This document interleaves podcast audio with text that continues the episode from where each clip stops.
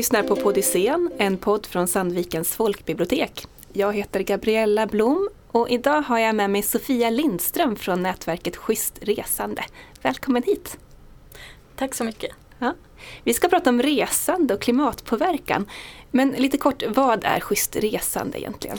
Ja, eh, Schysst Resande är ett samarbete mellan eh, en rad olika organisationer eh, bland annat Union to Union som jobbar internationellt med fackligt arbete, Unionen, Hotell och restaurangfacket, eh, eh, Childhood och IOGT-NTO-rörelsen och några fler som har gått samman för att jobba eh, för en eh, bra hållbar turism som funkar både för planet och människor.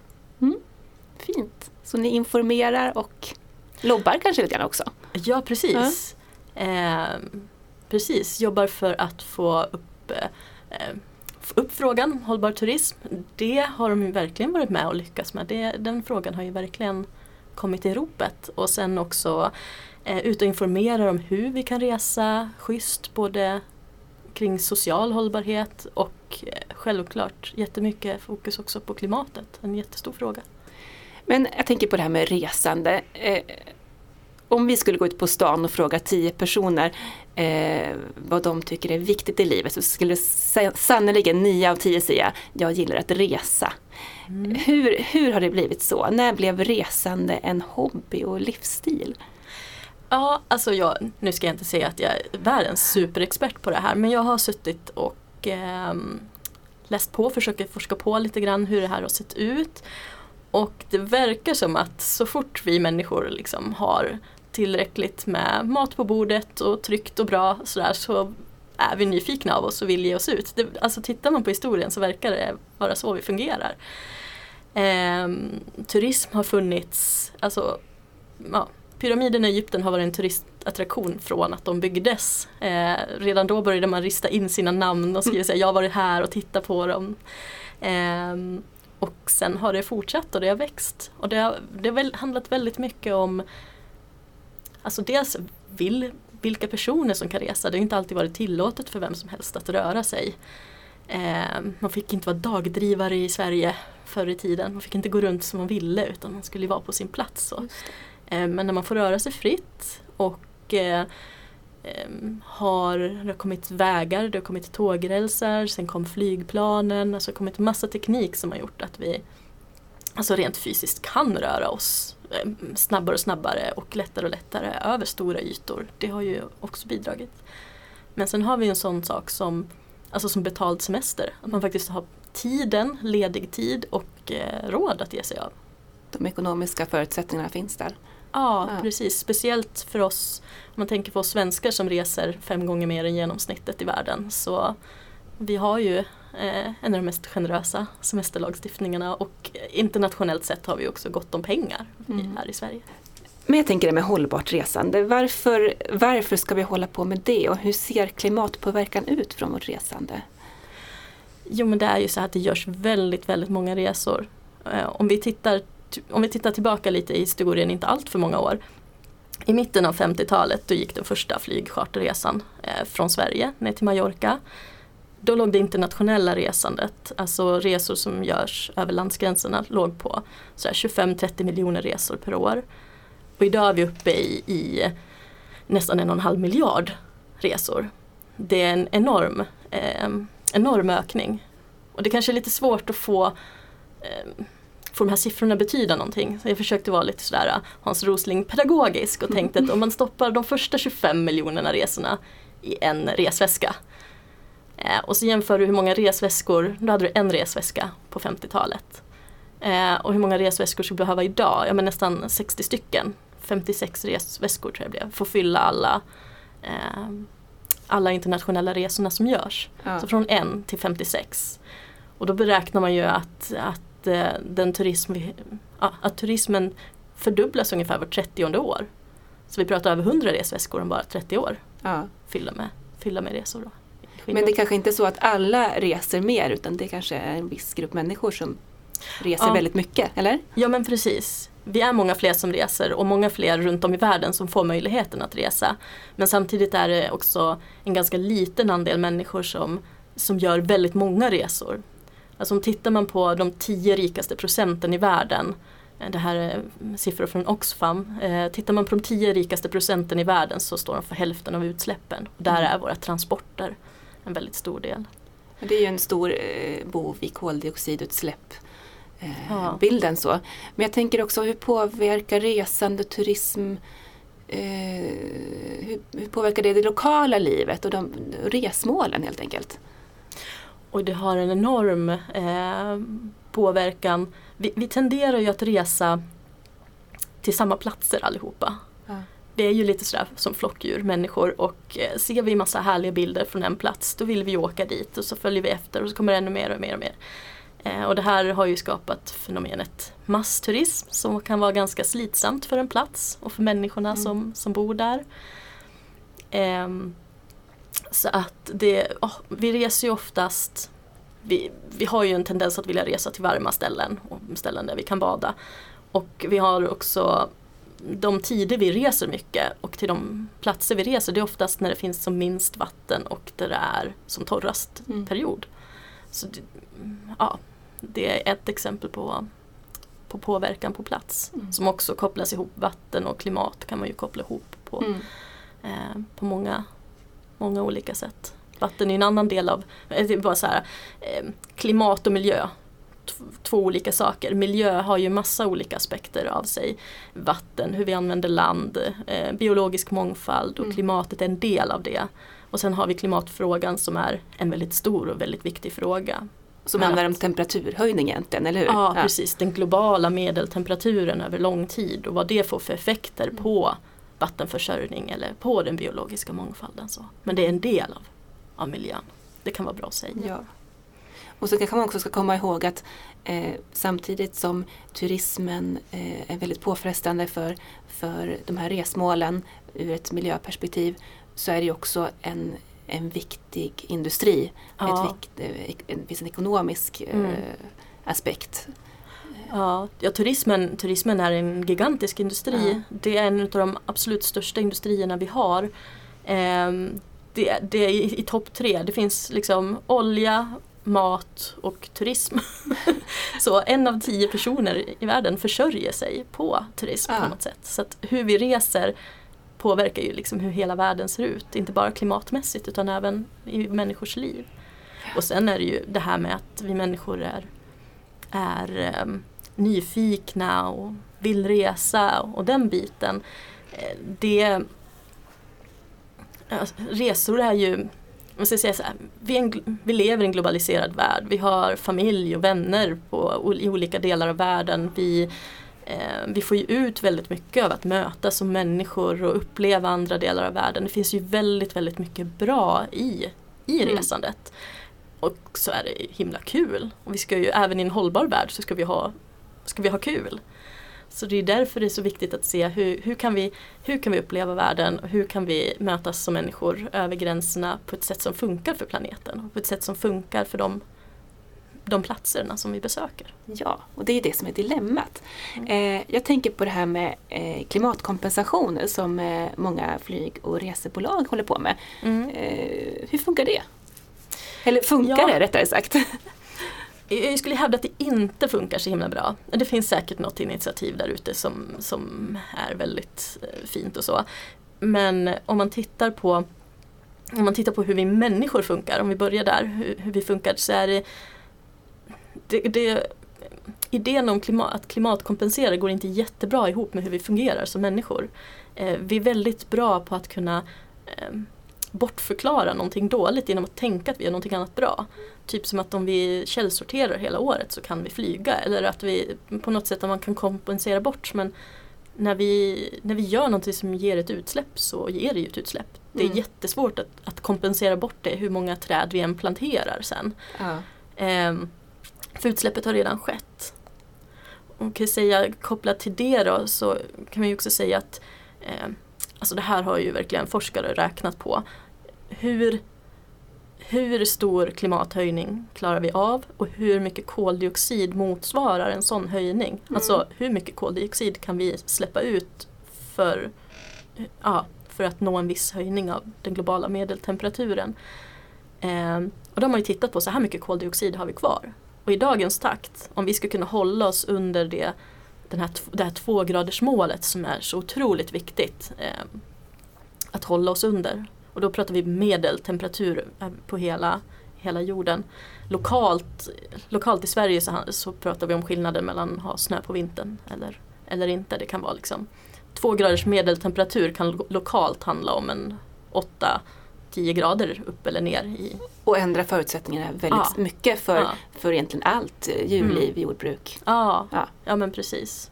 Eh, om vi ska hålla oss under de två graders medeltemperatur så handlar det då om att vi, eh, vi har koldioxid kvar så att det räcker i typ 10 år med dagens förbrukning. Så därför är det så viktigt att vi nu precis nu, är det någon gång man ska skippa en flygresa så är det ju nu de närmsta åren. Det är nu vi måste snåla ner på att få koll på den här budgeten så att det räcker till, till det vi behöver släppa ut. Mm. Vi behöver kanske producera material till sjukhus eller mm. vi behöver transportera oss vissa sträckor med, med bil och, och sådana saker. Vi behöver, ha, behöver hushålla med koldioxidutsläppen.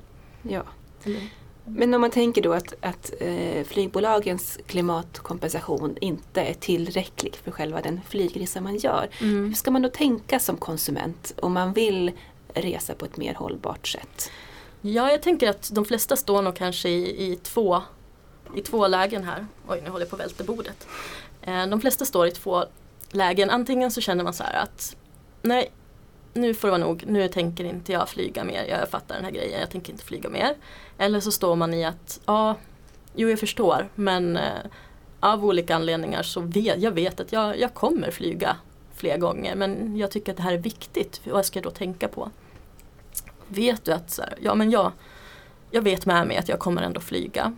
Då kan man ju titta på eh, när flyger du, varför flyger du och kan du, kan du minska de utsläppen det ger? Och eh, först skulle jag ju vilja så kanske att man funderar lite, reflekterar lite över varför reser jag? Mm. Något vi inte har tagit upp är ju till exempel statusen med resandet som påverkar oss väldigt mycket. Väldigt intressant mm. som du säger. Vi förväntas ju nästan resa. Nu har det blivit lite mer okej okay, sådär med eh, staycation och semester och, och lokala äventyr på ett annat sätt. Men det är ju fortfarande lite sådär att om, om du väljer att inte resa bort långt så är det nästan som att det kan ses som lite konstig eller att, eller att du själv ser massa bilder på massa andra människor som reser och känner så här, ja men jag borde ju kanske också, jag vill, mm. ja, vi är flockdjur som sagt, vi vill vara som, som och jag tänker att vi exponeras för det här väldigt mycket i våra sociala medier. Oh, det märks väldigt väl, mycket. i alla fall mm. i mitt flöde. Mm. Jo, det påverkas man ju jättemycket av. Mm. Men då är frågan sådär, vill du resa till den här platsen för vill du uppleva den platsen och vara där? Eller känner du att du reser mer för att du känner att du borde eller mer sådär av ren vana? Vad, är liksom, vad ligger bakom resan och vilket behov fyller resan? Mm. Är det så att vi stressar så mycket hela året att vi liksom bara ramlar över målsnöret när vi kommer till första semesterdagen och bara känner att vi måste, vi måste hamna i liksom strandkoma någonstans och bara tar igen oss och bara bort, långt bort härifrån, strand, ingenting mer så. Ja men då kanske det kanske inte är så hållbart för oss själva heller. För den där effekten av den där resan när vi bara flög till andra sidan jorden och bara låg på en strand i några veckor och liksom inte tänkte på någonting. Den effekten den hänger inte kvar många dagar förrän vi är tillbaka i, mm. i samma eh, samma snurra igen hemma i vardagen. Så då, då kanske det handlar mer om att få till en vardag som funkar så att vi känner att semestern det är då vi orkar uppleva orkar saker. Ja, ja, att verkligen liksom vara närvarande och orka göra saker och tycka att det är kul. För jag kan ju tänka, eh, jag själv är ju inte en superresande person men också för att jag tycker att resande är lite jobbigt. det är ingenting ja. jag vill göra när jag är trött Nej. Eller som du säger, behöver ladda batterierna. Ja precis, mm. nej det kan vara, det är roligt att resa men det är ju samtidigt, det tar ju energi att resa. Mm. Det gäller ju att ha den, ha den energin och, och eh, få med sig energi tillbaka. Mm. Så lite så, mm. leva balanserat, ladda batterierna ja. året runt. Ja men precis. Känna använd resan resorna... till att upptäcka det här. Ja. Känna att de resorna vi gör, ska vi, ska vi använda eh, vår egen personliga koldioxidbudget till att, eh, till att flyga eh, och lite av andras också för flyger vi en lång resa så kommer vi behöva snylta på mm. några andra. Så, alltså så, eh, mm. så är det.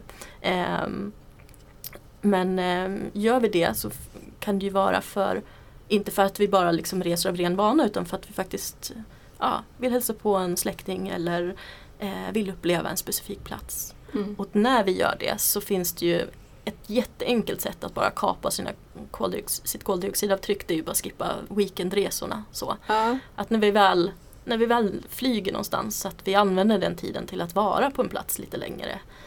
Ehm, att, ja, flyga mer sällan och stanna borta längre varje gång. I slutändan ger ju det färre resor. Och med Just det, det. Då kanske du kan skippa en flygresa men stanna borta en vecka nästa Mm. gång istället för två weekendresor. Så. Maxa din flygresa verkligen. Ja, Få ut ja men det precis. mesta av den. Ja. Eh, men sen kan man ju också välja att inte flyga. Ja. ja, och där tror jag väldigt många står nu att man har, jag har alltid flygit på min semester om jag inte reser bara åker ut i stugan eller något sånt där. Hur, Mm. Och nu är det ju så många som reser med tåg men jag har ju aldrig gjort det och hur funkar det? Ja. Och, åh, det så, känns så stort och läskigt och hur ska jag hitta i bytena och allt. Det kan ju kännas lite stort första Ja. gången så. Visst. Ehm, och då är ju det absolut, det absolut största tipset där är ju att antingen kolla in gruppen Tågsemester på Facebook Mm. eh, och eller kolla in deras bok som också heter Tågsemester med tips på olika resor. I Och är- gruppen. Ja, Är det tåg inom Sverige eller? Eh, Hela världen. Hela världen? ja, Ja. verkligen hela världen. Ehm, och det är ju i gruppen då kan du ju ställa, mm, där ställer ju folk mm, massa olika frågor till en massa människor som är jättevana tågresenärer. Och det är ju allt från allt från hur, hur du kan boka en resa med tåg, hur det går till, till vilken som har det godaste kaffet på stationen i Hamburg till bra hotell och lite roliga ställen längs vägen och sådär. Vart, vart du än nu ska till så det, kommer det vara någon annan som har varit där och kan tipsa dig. Ehm, och det är väl generellt ett, ett väldigt bra tips ehm, när man försöker göra någonting nytt för första gången. Och I det här fallet få resa mer hållbart är att hitta människor som kan vara lite sådär faddrar för det du Mm. försöker göra. Att hitta någon, kanske åka med någon som, som har åkt tåg tidigare. Hitta någon via den här gruppen eller eh, via något annat forum eller häng på en kompis som, som har gjort det här förr. Så att du slipper vara helt ny. Då kan man känna sig tryggare med att man har någon att fråga och eh, kan hänga på lite mer än att man ska göra allting själv. Så. Mm. Och visst är det väl så att kanske även resebolagen börjar få upp ögonen för det här med tågcharter och att Mm. det finns även organiserade resor eh, med tåg. Ja, precis. Ehm, fler, speciellt lite mindre aktörer har ju verkligen börjat tänka Mm. så här att här kan du ju verkligen hitta din nisch. Både de som eh, bokar resor och de som arrangerar resor till olika platser. Eh, speciellt inom Europa så finns det ju en del, har funnits ett tag men nu börjar de verkligen komma upp i ljuset, en del eh, arrangörer som erbjuder faktiskt tågcharter eller andra typer av tågresor. Just det. Ja. Men å andra sidan då krävs lite mer tid eh, och, Ja. och lite mer planering kanske då om man inte har, har en... Ja, eh, jag tror inte att det är, jag tror inte att vi kommer tycka att det är jättekul att åka tåg i längden ifall vi tänker att vi bara ska ner till liksom spanska solkusten så fort det bara går. Bara Mm. trycka sig ner dit på ett par dagar. Liksom så. Utan att kanske mer låta resan dit ta lite tid. Eh, och uppleva platser längs vägen och speciellt om vi åker för första gångerna så att man kanske inte är van att sitta på ett tåg så pass många timmar. Mm. Att, att dela upp det i lite kortare etapper och dela upp det i lite, eh, ta lite utflykter längs vägen. Alltså ja, ett vanligt stopp när du ska åka söderut i Europa är ju Paris. Mm. Det är väl ganska trevligt att stanna en dag eller två i Paris härligt, längs ja. vägen. Eh, vad spännande. Ja, det finns ju väldigt mycket bra eh, tips och sajter och grupper. Bland annat något som heter klimatsmartsemester.se. Kan Ja. inte du berätta lite mer om den sidan? Jag har bara kikat in där lite snabbt. Ja, nej men det är en sida där du, om du funderar sådär, okej, ja men nu vill jag åka till, ehm, nu vill jag åka till London här. Jag förstår ju att flyget, det, hmm, eller hur ska jag göra och vad är bäst egentligen? Och sådär. Då kan du gå in på den här klimatsmartsemester.se och så skriver du in där, vi är eh, fyra personer till exempel, eller hur många ni är, som ska åka till London i det här fallet. Eh, och vi tänkte stanna där i sju nätter, vi tänkte vara där en vecka. Och då, kommer upp, då får du upp en tabell på så här mycket utsläpp ger det om du, ja det är allt från cykel cykeln till, eh, till tåg, buss, flyg. Eh, eller kan man lägga till egna resätt också. Du kanske vill, varför inte ta kajaken? Det är också väldigt miljövänligt. Tar lite längre tid dock men fullt möjligt. Ja. Eh, Jag tänker att det Ja. finns väldigt många, eller det, att det finns eh, människor som kan inspirera också med såna här Mm. lite, lite, lite galna Mm. grejer. Har du något, sådär, något favoritexempel på någon som eh, reser hållbart på ett spännande sätt? Ja, det finns ju människor som eh, går och cyklar nästan över hela världen. Som sagt, vi får ju lägga lite mer tid på en sån resa men, men eh, fullt möjligt. Eh, det var ju den här Ingrid som var 75 år och cyklade från Österrike till Sverige. Så. ehm, kan Ingrid 75 göra det så kan ju inte jag säga att jag inte klarar av det som Ja. är en ehm, som är mitt i livet och borde ha alla möjligheter att göra det. Och en sån resa blir ju verkligen, resan blir Ja. ju eh, en del av, av målet. Ja, Verkligen. ja men verkligen. Förstå vilka upplevelser, vad häftigt. Ja, bara se hela Sverige på cykel känns Ja. ju helt fantastiskt. Ja. Sen har ju Schysst Resande har lyft ett par som eh, har gett sig iväg på Ja men det här, det här fenomenet kallas ju slow travel när man går och liftar och åker kollektivt i lite sakta mak genom, genom världen. Så de vandrar ju väldigt mycket. Eh, sen åker de ju lite buss och lite sådär också men de vandrar väldigt mycket. Mm. Så. Och då kan ju en sån dag bli också en helt otrolig du kanske inte kommer så många mil men det, du får en väldigt stor häftig upplevelse. Och de har ju gett, de, jag vet inte vart de befinner sig nu men eh, ner ut genom Europa och, och ganska långt bit har de kommit. Just det. Det går ju också, det är lätt när vi pratar Europa men om till exempel jag har ju rest jag har ju flygit, flygit mycket i mitt liv och flygit eh, en del till Sydamerika till exempel. Det är inte jä- jättelätt att ta tåget dit så. Nej, jag funderar på båt. Hur lätt är det att åka Ja. till, till Sydamerika? Ja, Om man inte är Greta Thunberg. Och, Ja precis. Eh, en segelbåt är absolut ett föredra om vi ska släppa ut lite. Ja. Men det är inte så himla lätt för alla så. Jag tror inte att jag skulle klara en sån resa rent sådär eh, sjösjukmässigt. Eh, Men det finns ju, det går ju massa mm, stora fraktfartyg. ja.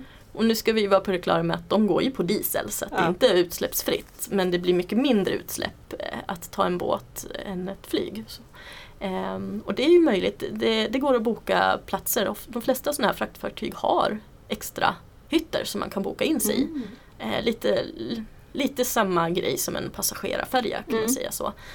Ehm, och jag vet också människor som har haft till exempel vegetarisk kost eller vegansk kost och det går att Mm. ordna och sådär. Så att har man olika specialbehov så, så brukar det gå att ordna. Det tar ju, jag tror det tar en två veckor, två, tre veckor och man, vet, man kan inte veta exakt när man kommer fram. Det beror ju lite på väder och sådär. Men, Ja, det kräver att man Ja. är lite, lite flexibel. Och ha mycket böcker med sig som Och man kan läsa. böcker läsa.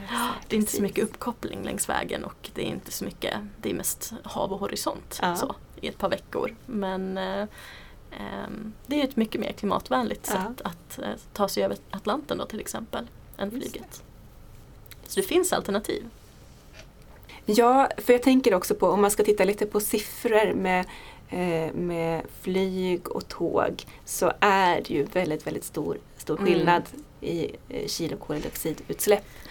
Eh, jag gjorde själv, testade själv den här klimatsmart semester-sidan och eh, om vi är två personer som åker tur och retur Sandviken-Göteborg så blir vårt utsläpp med bil 81 kilo per person och med tåg eller buss 13 kilo Mm. per person. Hur många personer sa Två du? personer. Mm. Det är ju jättestor skillnad Mm. och, då, och ska vi säga då flyget här i det här, eh, i det här fallet så skulle det vara ett utsläpp på 138 kilo. Mm. Mm. Du kan åka tåg ganska många gånger Ja. eh, innan du är uppe i en flygresa. Alltså jämförelsevis, hur var det nu att om man tog, eh, åkte från Göteborg till Stockholm med, med flyg. Eller om du tog tåget ner i Europa så på samma utsläpp som du tar det bara till Stockholm med flyget så tar du det ända ner till franska Mm. rivieran med, med tåget. Precis. Och då är ju då, trots att de tågen då också vissa sträckor går just på diesel i och med att det är ju så. Eh, I Sverige har vi ju väldigt grön el på det sättet. Mm. Att det är mycket vind och eh, SJ köper ju sin el från vind och vatten. Medan i Europa så kan det ju vara kolkraftverk bakom men fortfarande är det ju enormt mycket, mer, går åt enormt mycket mindre energi att driva fram ett tåg än ett flygplan. Mm. Just det. Mm. Jag skulle säga någonting här men det får iväg i mitt huvud. Ja, Mm. så det första man kan göra egentligen det är ju att skippa inrikes eh, eller hur? Ja, Det är ju nästan ganska enkelt också. ja. Eh, verkligen. Eh, nu säger jag inte till det här till de som bor allra längst upp i norra Sverige så, men för oss alla andra absolut. Det är inte ens, oftast är det knappt en tidsvinst heller. Mm. Och speciellt för oss som inte bor direkt vid en flygplats. Om du ändå ska resa lite, lite runt och du måste vara där långt innan och sådär. Så ja, det kan till och med, vissa sträckor går det till och med snabbare att ta eh, tåget. Det kostar mindre. När man faktiskt har jämfört priserna så har man ju sett att tåg oftast kan vara billigare. Mm. Vi pratar inrikes. Eh, ja, men verkligen. De här korta resorna som ändå är fullt möjliga att ta med tåg. Och de här korta resorna i bemärkelsen att man bara åker en helg eller sådär. Mm. Det, ehm, det är så lätt att skippa dem och vi, vi blir av med så himla mycket utsläpp Mm. bara där. Och jag tänker också att man, man kanske glömmer bort lite grann att flyga tar ju också tid. Man ska Mm. ta sig till flygplats, man ska Mm. vänta, det är mycket köer, det är mycket eh, kru- Ja. kringarrangemang som Ja. ska fixas. du hackar liksom upp din resa på en massa Mm. olika moment. Medan om du sätter dig på tåget så har du ju en längre tid där du kan varva ner, där du kanske kan eh, jobba på någonting eller läsa en bra bok eller titta Mm. på film så här, utan att bli avbruten. Utan du har liksom den här Mm. tiden att, eh, att sitta ner på ett annat sätt som vi kanske sällan har i dagens samhälle. Eh, på det sättet, Mm. verkligen. Ja, har du något eh, sådär eh, drömresemål just nu som du går och tänker på? Oj, drömresemål vet jag inte. Nej, men, eh, dröm och dröm, jag har ju varit där förut. Men jag sitter och planerar lite hur jag ska kunna ta mig till, eh, till Madrid nästa år. Mm. Med tåg då förstås. Eh, fast jag blev lite sådär, eh, jag blev lite äventyrlig av mig och funderade på skulle man kunna göra någon, någon liten, nu pratar jag om en väldigt liten här, men någon liten liten etapp kanske på cykel bara sådär. Just det. Jag, jag, jag ska kika över, jag ska fråga i tågsemestergruppen hur det funkar om man vill ha sin cykel med sig på en resa i Europa. Så. För det vore väldigt behändigt att ha den sen i Madrid också. Ja, just det. Så det är lite sådär att, och nu pratar vi som sagt om väldigt korta etapper längs vägen, men det är jag lite sugen på att ta med mig cykeln ut. Mm. Lite inspirerad av Ingrid här. Ja, verkligen. Ja, jag är inte sådär hemskt resande person men jag har eh, småbarn och, och, och det ena med det andra. Men jag har en liten dröm att åka till Danmark. Ja. och, och när man har, har, har, är barnfamilj så, så åker man väldigt mycket bil. Mm. Men jag tänker så här att man kan ju faktiskt åka tåg till Köpenhamn Mm. och hyra bil om man nu skulle vilja. Då blir i Ja. alla fall bilsträckan Ja, kortare. verkligen. Ja. ja, men verkligen. Det är ett jättesmart tips. Sen kanske vi väntar lite med cykelsemestern. Ja, Ettåringen är lite större. ja eller nu. Eller nu, när ja. barnen Ja. är riktigt små så Just kan de det. bara åka i en kärra. Åker i kärran Så det, där. ja, det såg jag också såg en, en småbarnsmamma som, från Colombia som reste runt i Sydamerika med sin, eh, sin dotter i en sån kärra på cykeln. Ja, och hade lång, eh, ja, en lång föräldraledighet där kan man kanske kalla det för. Vilket äventyr. Ja. verkligen. Ja, riktigt där är jag inte jag än, men, Nej. men kanske Danmark. Vi kan, vi, kan inspireras, eh, vi kan inspireras av de som har kommit mycket längre och så kan vi våga göra de här eh, små, eh, testa lite vad, vad vi gillar, prova oss fram. Just det. Mm.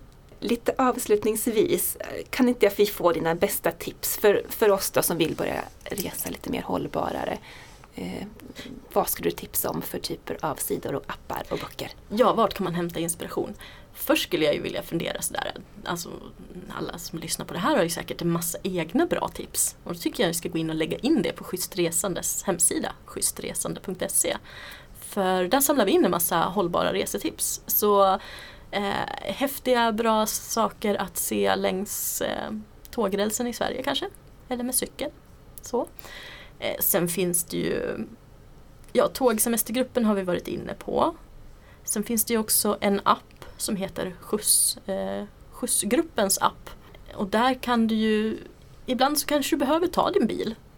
Och eh, att åka ensam i en bil det ger ju, alltså det kan till och med ge mer utsläpp än att flyga så det är lite vanskligt det där. Eh, men om du behöver ta bilen så kan du erbjuda, och du ska åka själv eller ni är bara två som ska åka, då kan du erbjuda de platserna som är kvar till fler. Och då delar man ju upp det här utsläppet så blir det mycket, mycket mindre utsläpp per person. Och kostnaden trevligt. delar man ja, också. Ja, precis. Dela på bensinkostnaden och så. Mm. Eh, och eh, väldigt trevligt också att träffa nya människor och sådär. Väldigt trevligt och socialt. Eh, eller om du ska ut och åka tåg så kan man också sådär, det är en samåkningsapp. Så att man kan samåka, åker man tåg så samåker man ju också. Där kan man ju leta eh, reskamrater och så. Mm. Så det är eh, skjutsgruppens app. Tågsemester och sen har vi ju då, nu har vi fokuserat på klimatdelen av resandet. Ehm, det finns ju andra aspekter av det också men om, för klimatdelen så har vi också en, eh, en annan Facebookgrupp som heter Klimatklubben. Där pratas det också ganska mycket resor, semesterresor och tips på bra ställen och eh, destinationer lite närmare och sådana saker. Så det är ehm, också en tips. Och, några från eh, Klimatklubben har också gett ut en bok som är helt ny för hösten som heter Gör skillnad. Eh, om hur vi kan leva mer klimatsmart. Och där finns resorna med också som en del. Så det är eh, både, eh, både tågsemester och eh, Klimatklubben har både bok och Facebookgrupp. Perfekt. Ja. Ja, men tack så mycket Sofia för att du ville vara med i Podyssén. Men tack Eh. själv. Var roligt. Tack för oss. I heard what the robot said. I'm going back to bed. Cause I know if I don't get enough sleep. Attention, en raison d'importants travaux, la station Châtelet sur la ligne